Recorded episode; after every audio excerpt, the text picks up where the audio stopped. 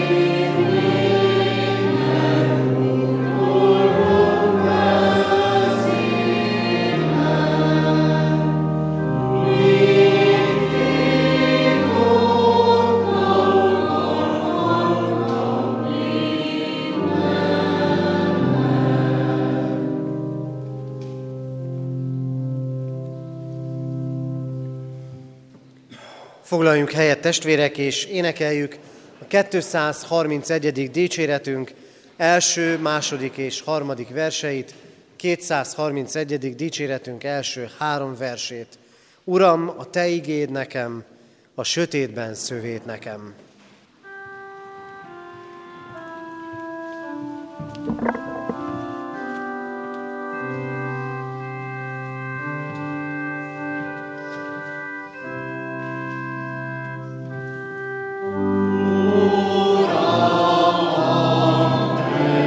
Senhor.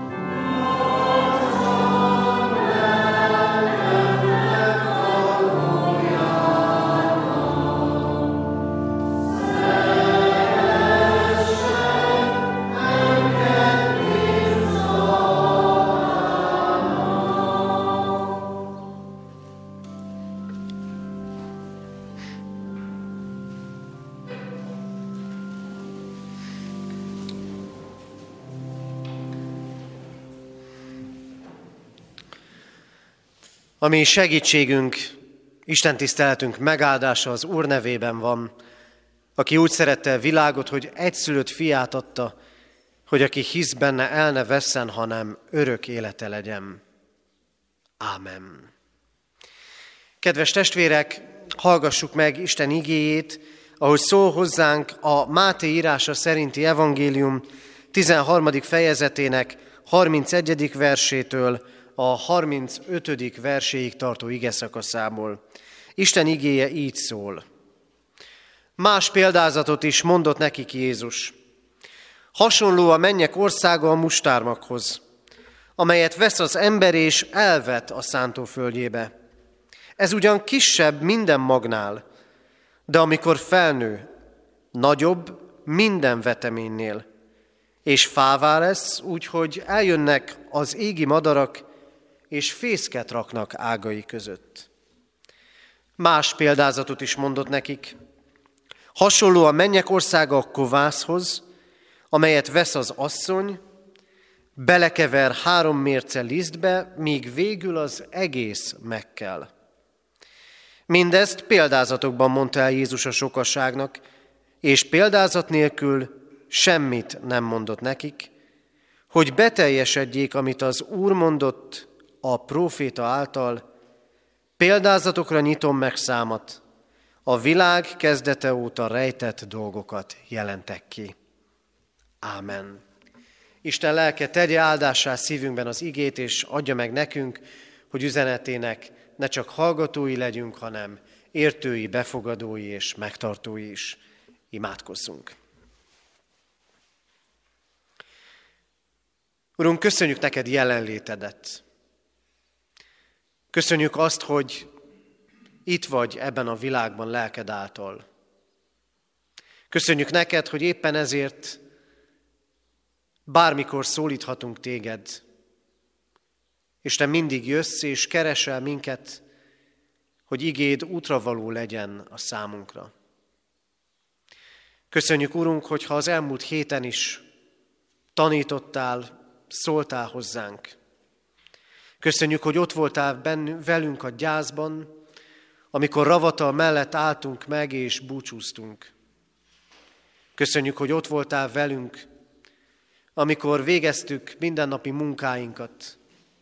Köszönjük, hogy ott voltál velünk, amikor gondoskodtunk szeretteinkről, idősebbekről, fiatalabbakról, szülőkről, gyermekekről, házastársról.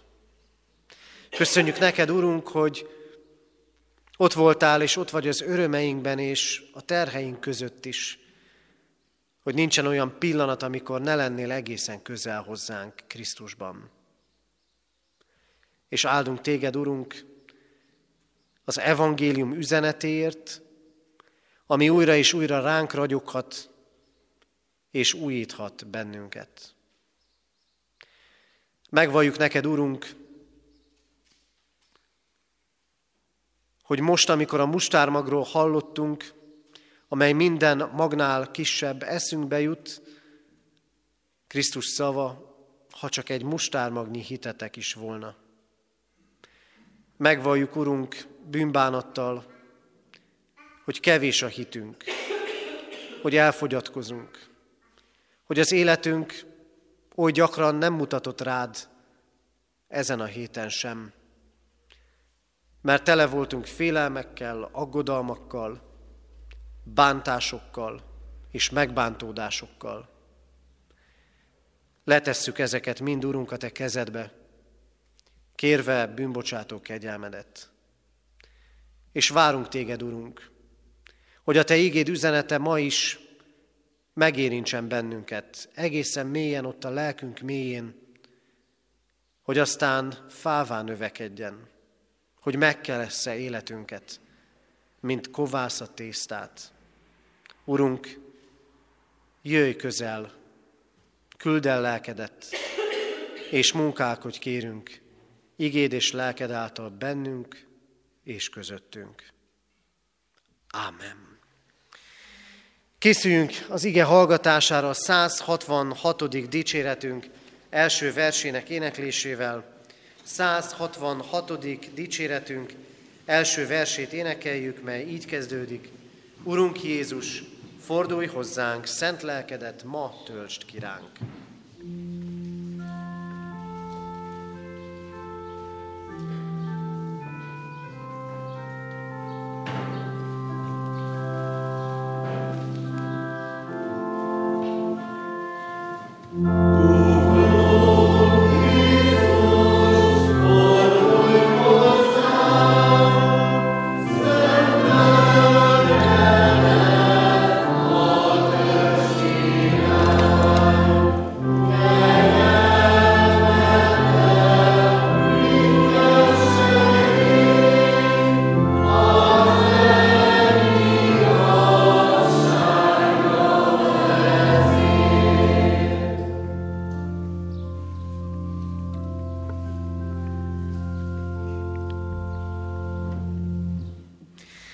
Kedves testvérek, Urunk üzenetét a már hallott igék alapján az ő lelkének segítségével hirdetem közöttetek.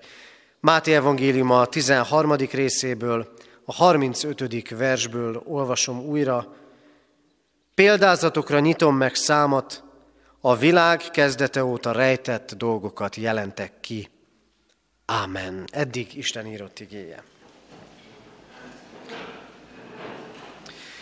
Kedves testvérek, aki a bibliolvasó rend szerint olvasta az elmúlt napokban az igét, Jézus példázataival találkozhatott, példázatokkal az Isten országáról. Ma két nagyon rövid példázatot, nagyon rövid és egyszerű képet hallhattunk, amikor Krisztus az Isten országát egyszer mustármaghoz, utána pedig kovászhoz hasonlítja. Szépen kiegészíti egymást ez a két példázat. Az egyik arról beszél a mustármag példázata, hogy a kicsiből, a jelentéktelennek tűnőből milyen hatalmas dolog lehet, amikor az Isten országára gondolunk, a másik pedig, pedig inkább a folyamatot írja le, amikor a kovászból kenyér lesz, mert megkeleszti az egész tésztát. Idő kell hozzá, egy hosszabb folyamat, de végül is látható eredménye lesz. Hadd tegyek föl rögtön egy kérdést ennek kapcsán. Aki dolgozott már kovásszal és tésztával, mi próbálkoztunk vele, és próbálkozunk folyamatosan az elmúlt időszakban, az tudja jó, hogy néha az a kovász bizony annyira megkeleszti azt a tésztát, hogy szinte kifolyik abból az edényből, amibe beletette az ember. Jézus így beszél az Isten országának evangéliumáról, üzenetéről. De mégis hadd tegyen föl először a kérdést. Valóban Krisztus evangéliuma feszíti szét ezt a világot? Krisztus evangéliuma jelen van annyira ebben a világban, vagy még inkább hadd kérdezzem így, jelen van úgy az egyházban, hogy kiárad belőle? Mi feszíti szét ezt a világot? Egészen megdöbbentő az, amit ezekben a napokban az Egyesült Államokból hallunk, hogy milyen erőszak hullám vette kezdetét. Hogy Seattle városában már egy kisebb, néhány háztömbre kiterjedő autonóm területet is létrehoztak a tüntetők, és kőkeményen megvámolják azokat, akik be akarnak lépni, és nem ott laknak. Mi feszíti szét ezt a világot? Mi feszíti szét a világot? A hagyományos és sokszor biblikus értékeknek a, az elvesztése? Amikor azt látjuk, hogy annyi minden kérdőjeleződik meg a családdal kapcsolatban, férfi és nő viszonylatában, a házasság tekintetében, mi feszíti szét ezt a világot? Mi keleszti meg ezt a világot? Tele vagyunk szenvedéssel, erőszakkal, sokszor családon belül is. Mi feszíti szét ezt a világot? Sok mindenről nem beszélünk, amiről beszélni kellene.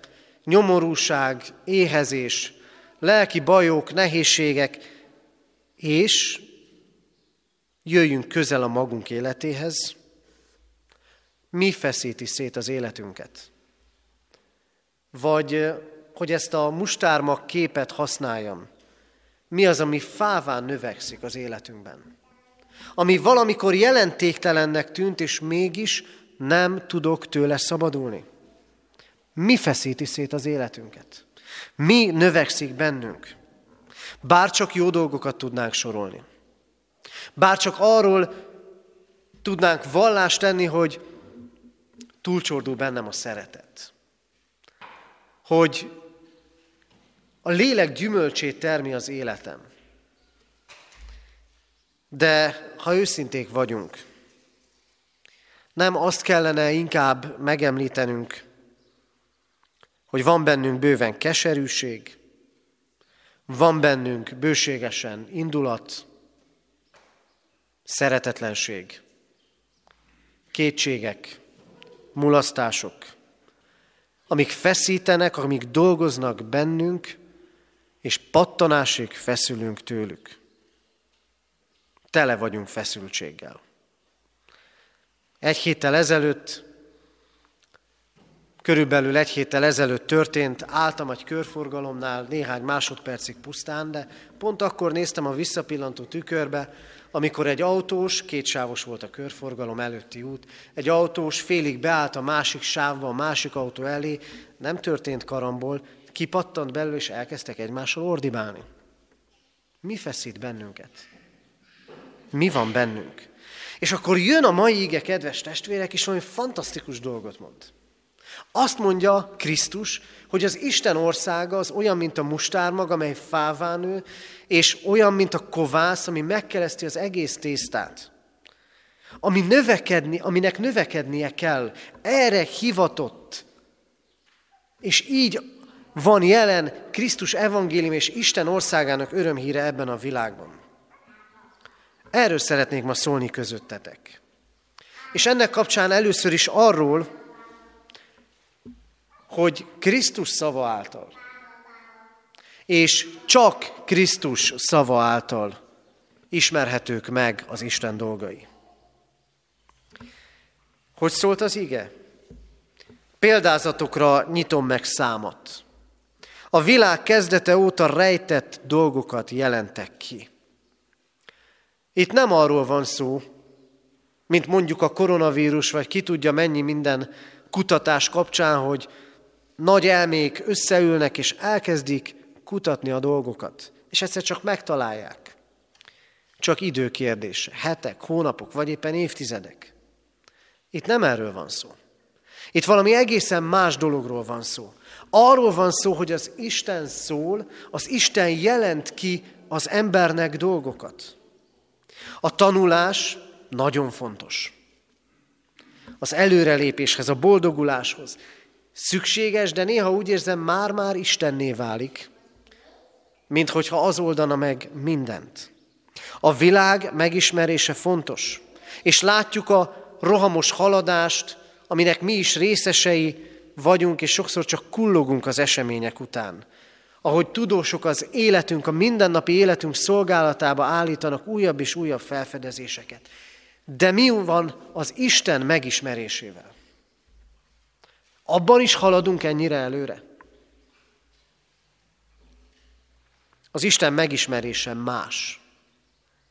Az Isten megismerése elsősorban nem emberi igyekezet, hanem az Úristen kegyelme. Példázatokra nyitom meg számot. És a világ kezdete óta elrejtett dolgokat jelentek ki, mondja az ige. Nem az emberi igyekezet az első. A római levélben fantasztikus gondolatokat olvasunk Pálapostól, amikor, Pálapostoltól, amikor azt mondja, hogy a világ tanulmányozása által valamicskét felfoghatunk az Istenből, de a teljességet nem. Vagy hogy valamikori konfirmációnkra emlékeztessek mindenkit, van az általános kijelentés, amiben szól Isten, a természet, a történelem, a lelkismeret útján, de nem értjük. Szükségünk van arra, hogy az Isten különösképpen szóljon, és ezt Krisztusban teszi meg. Miért fontos ezt tudnunk? Azért, kedves testvérek, mert keresztény emberként is elkövetjük azt a hibát, hogy az Istent a világ történéseiből akarjuk megismerni. Elkövetjük azt a hibát, hogy az Istent úgy akarjuk megismerni, vagy annak alapján akarjuk megismerni, ahogyan éppen az életünk halad, vagy éppen nem halad előre. Annak alapján, ami velünk történik. És azt mondjuk, mivel igazságtalanság van a világban, igazságtalan az Isten.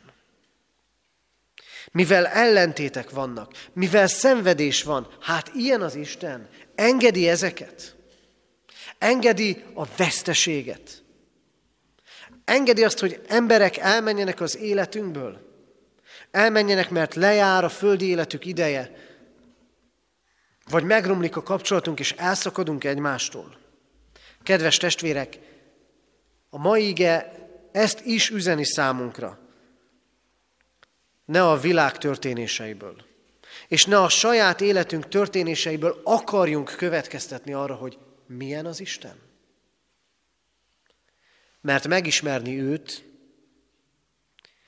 nem kutatás, nem emberi tapasztalat alapján lehet, hanem úgy, hogy ő mutatkozik be a számunkra. Kijelenti magát nekünk. És nekünk ezt kell megismerni. Az Isten kijelentésének teljessége pedig Krisztusban van előttünk. Ha az Istent akarjuk ismerni, akkor Krisztust kell ismerni. Nem csak úgy, hogy fel tudunk sorolni történeteket a Szentírásból, Krisztus életéből. Nem csak úgy, hogy a legfontosabbakat, nagypéntek és húsvét történetét felidézzük magunknak, hanem lélek szerint. Átélve az ő bűnbocsátó kegyelmét. Krisztust kell megismernünk. Mert Istent csak önmaga által ismerhetjük meg, és ebben kell előrébb jutnunk. Erre hív bennünket a mi Urunk. És amikor őt így ismerjük meg, akkor az Isten országának, a mennyek, országának az üzenetével találkozunk.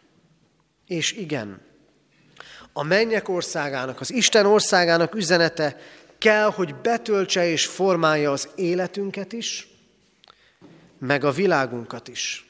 Mint ahogyan a kovász az egész tésztát megkeleszti. És hadd tegyen fel újból azt a kérdést, amivel kezdtem ezt az ége hirdetést. Mi tölti be a világot? És mi tölti be az életünket? Mi az, ami feszít bennünket, és mi az, ami dolgozik bennünk? Krisztus azt mondja, az Isten országa olyan, mint a kovász. Hatással van az egész környezetére, az egész világra. De álljunk meg őszintén az Isten előtt most, és valljuk meg azt, mintha nem lennénk kovász ebben a társadalomban. Mintha keresztény emberként nem tudnánk olyan hatással, nem tudunk olyan hatással lennünk ebben a világban, mint kellene, mint ahogyan azt Krisztus elvárja tőlünk. Ő maga azt mondja, Krisztus egy más szóval is, sóvá kell lennünk a világban, ami megízesíti mások életét. Mintha a világot mintha az életünket nem ez feszíteni, és nem ezekben növekednénk.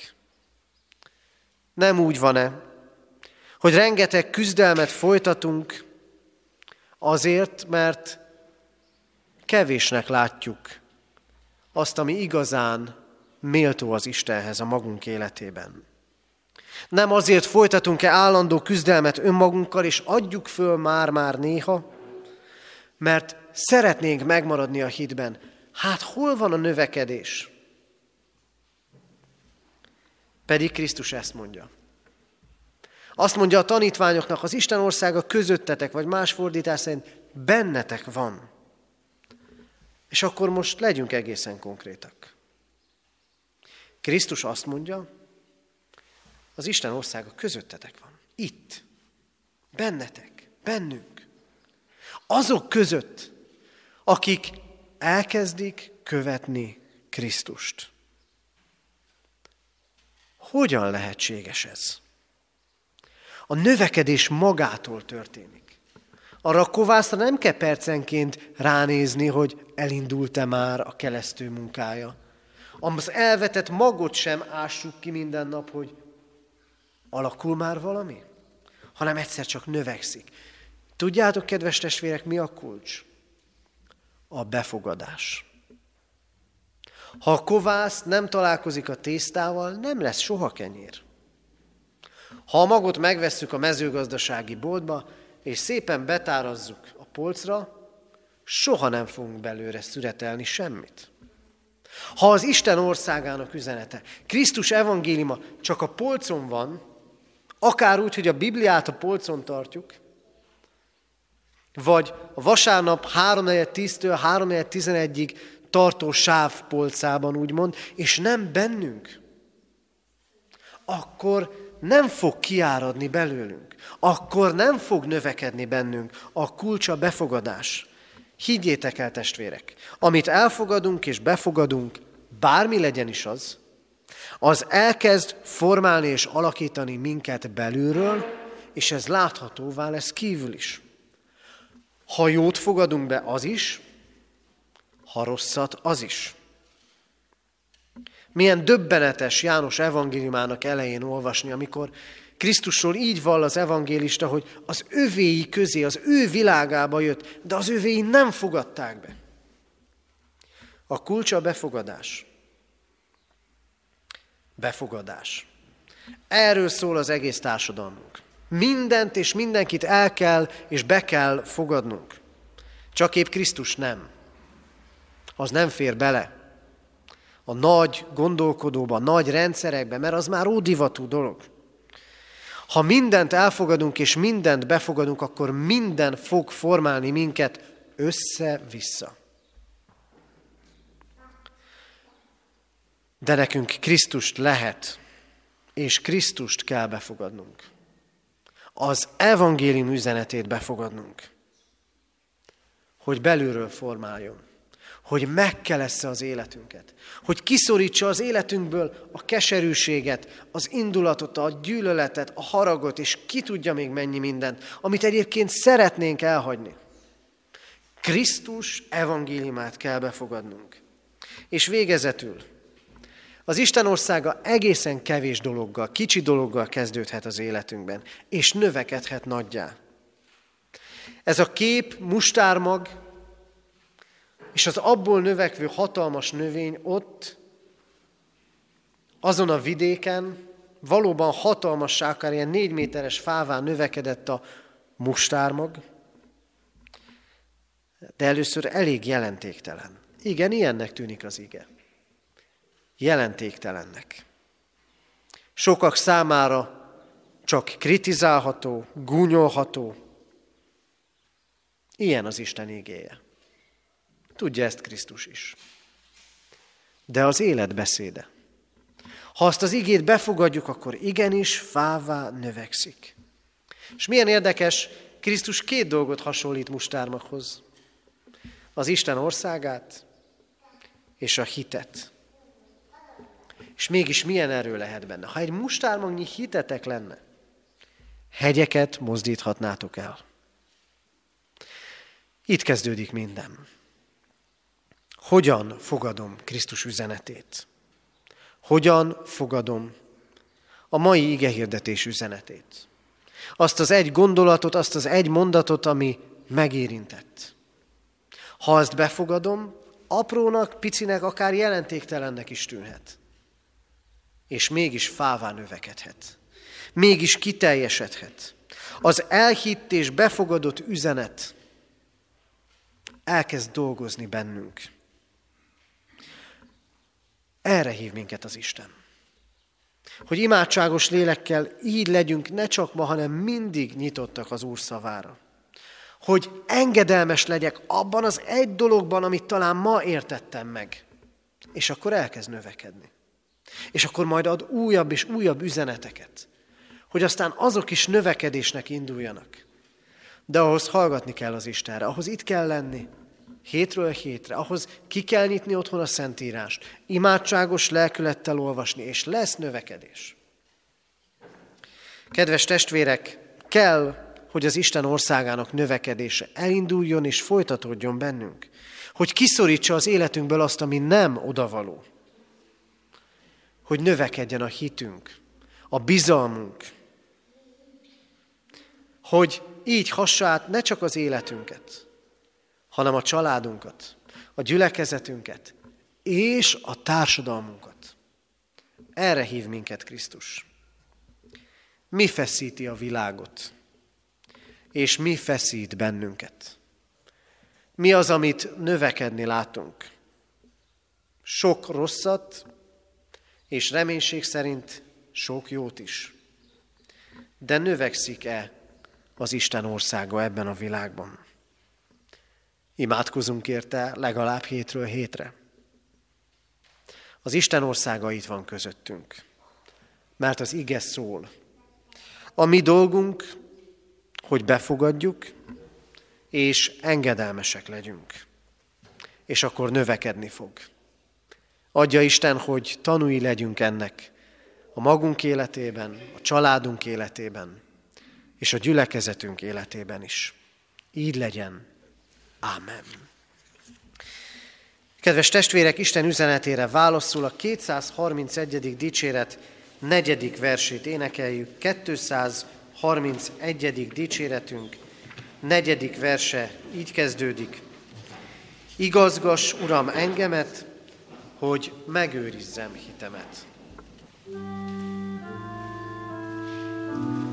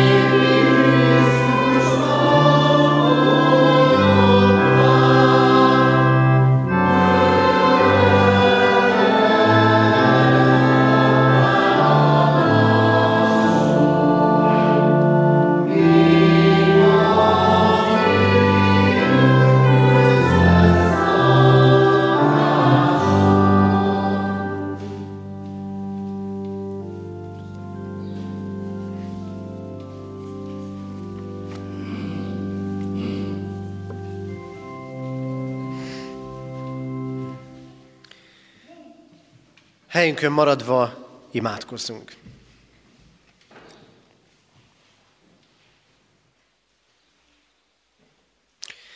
Urunk, látjuk, tapasztaljuk azt, hogy sok minden feszíti ezt a világot. Sok ellentét, sok rossznak tűnő dolog, és látjuk azt is, sok minden feszíti az életünket, Szinte másról sem szól az életünk, mint hogy megtaláljuk az egyensúlyt újra és újra. Hogy levezessük a feszültséget, és köszönjük, hogy tehetjük mindezt úgy, hogy terheinket a Te kezedbe tesszük le. Urunk, Te arra hívtál bennünket, hogy az evangélium növekedjék az életünkben hogy Isten országa növekedjék köztünk.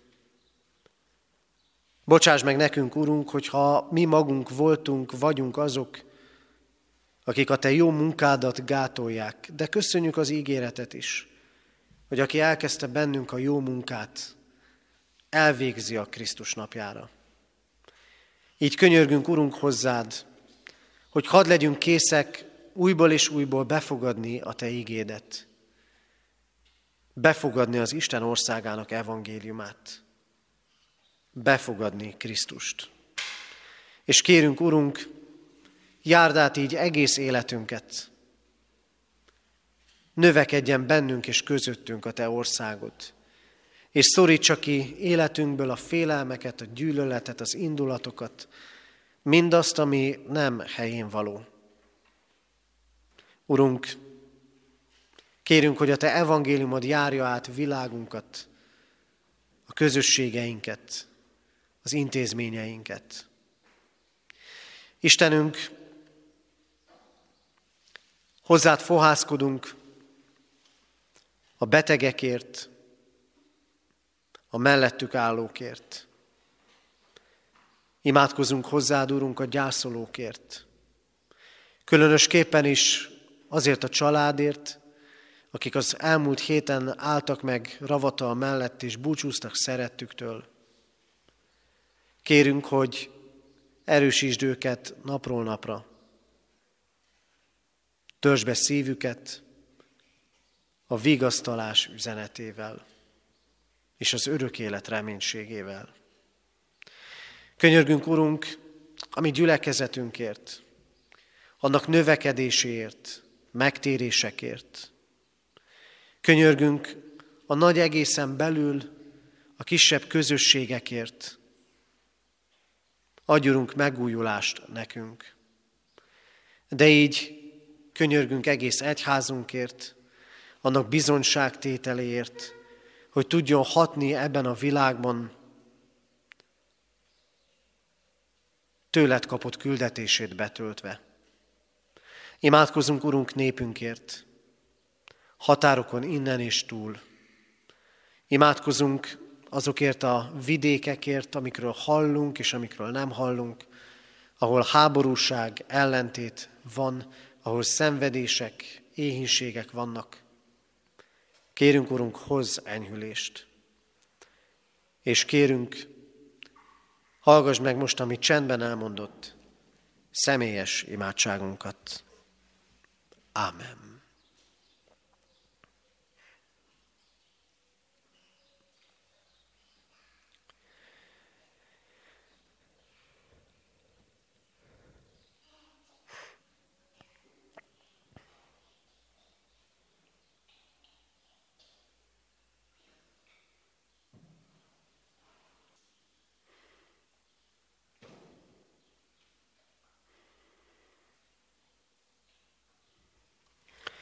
Urunk, legyen áldott a Te neved, mert meghallgatod imádságainkat.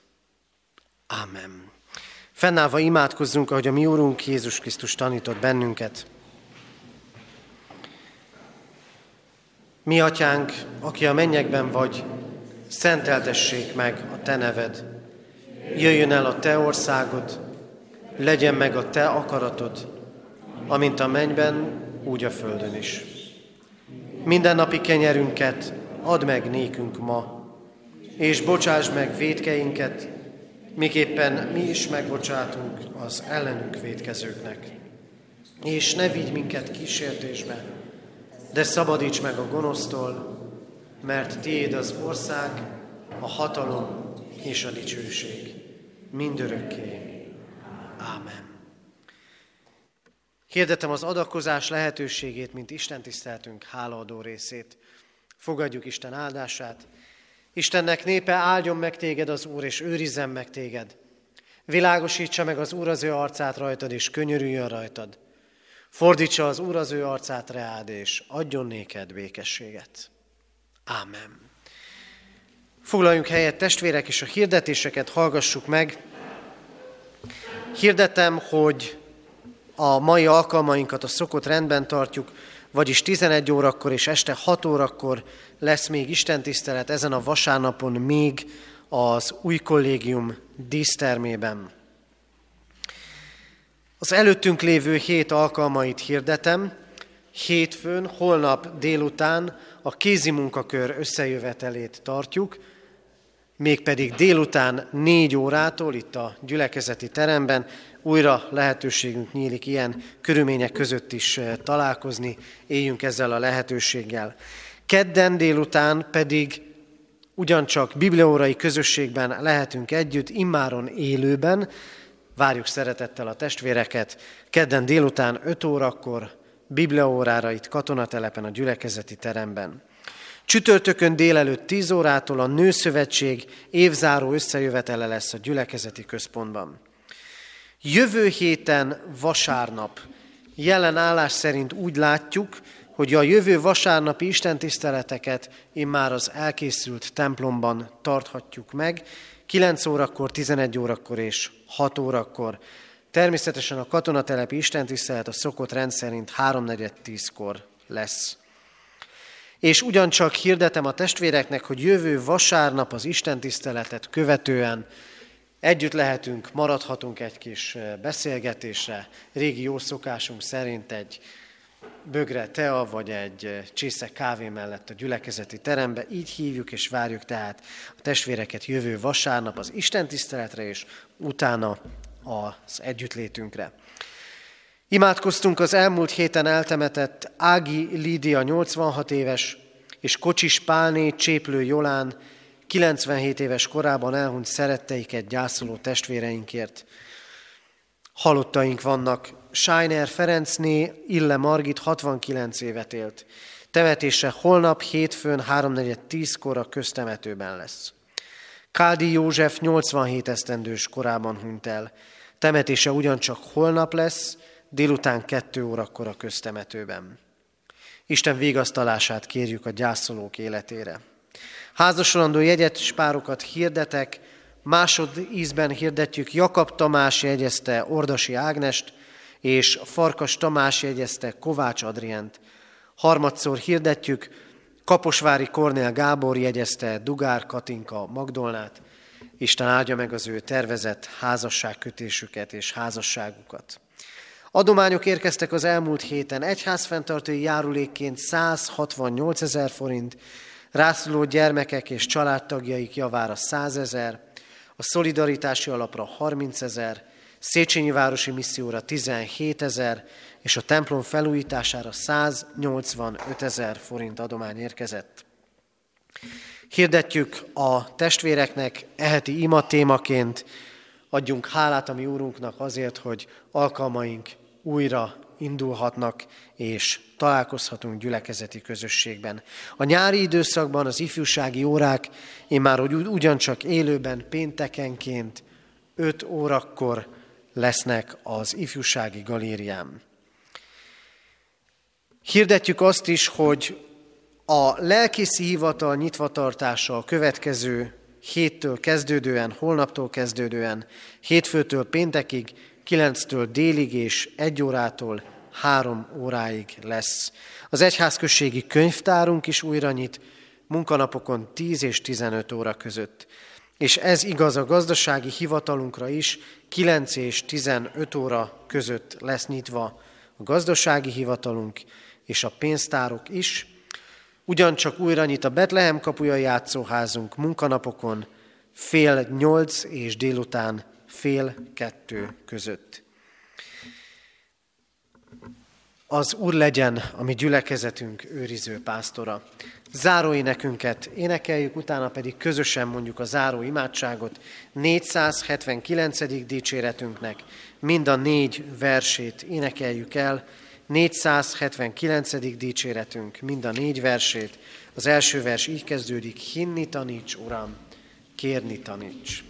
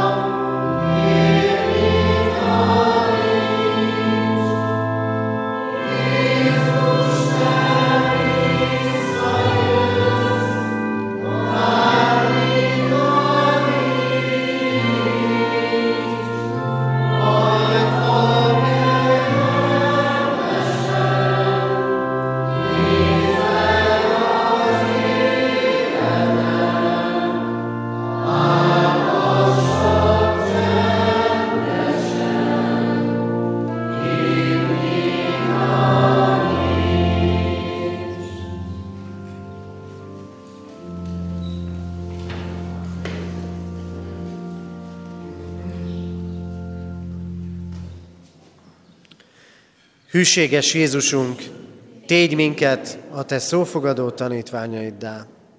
Ámen.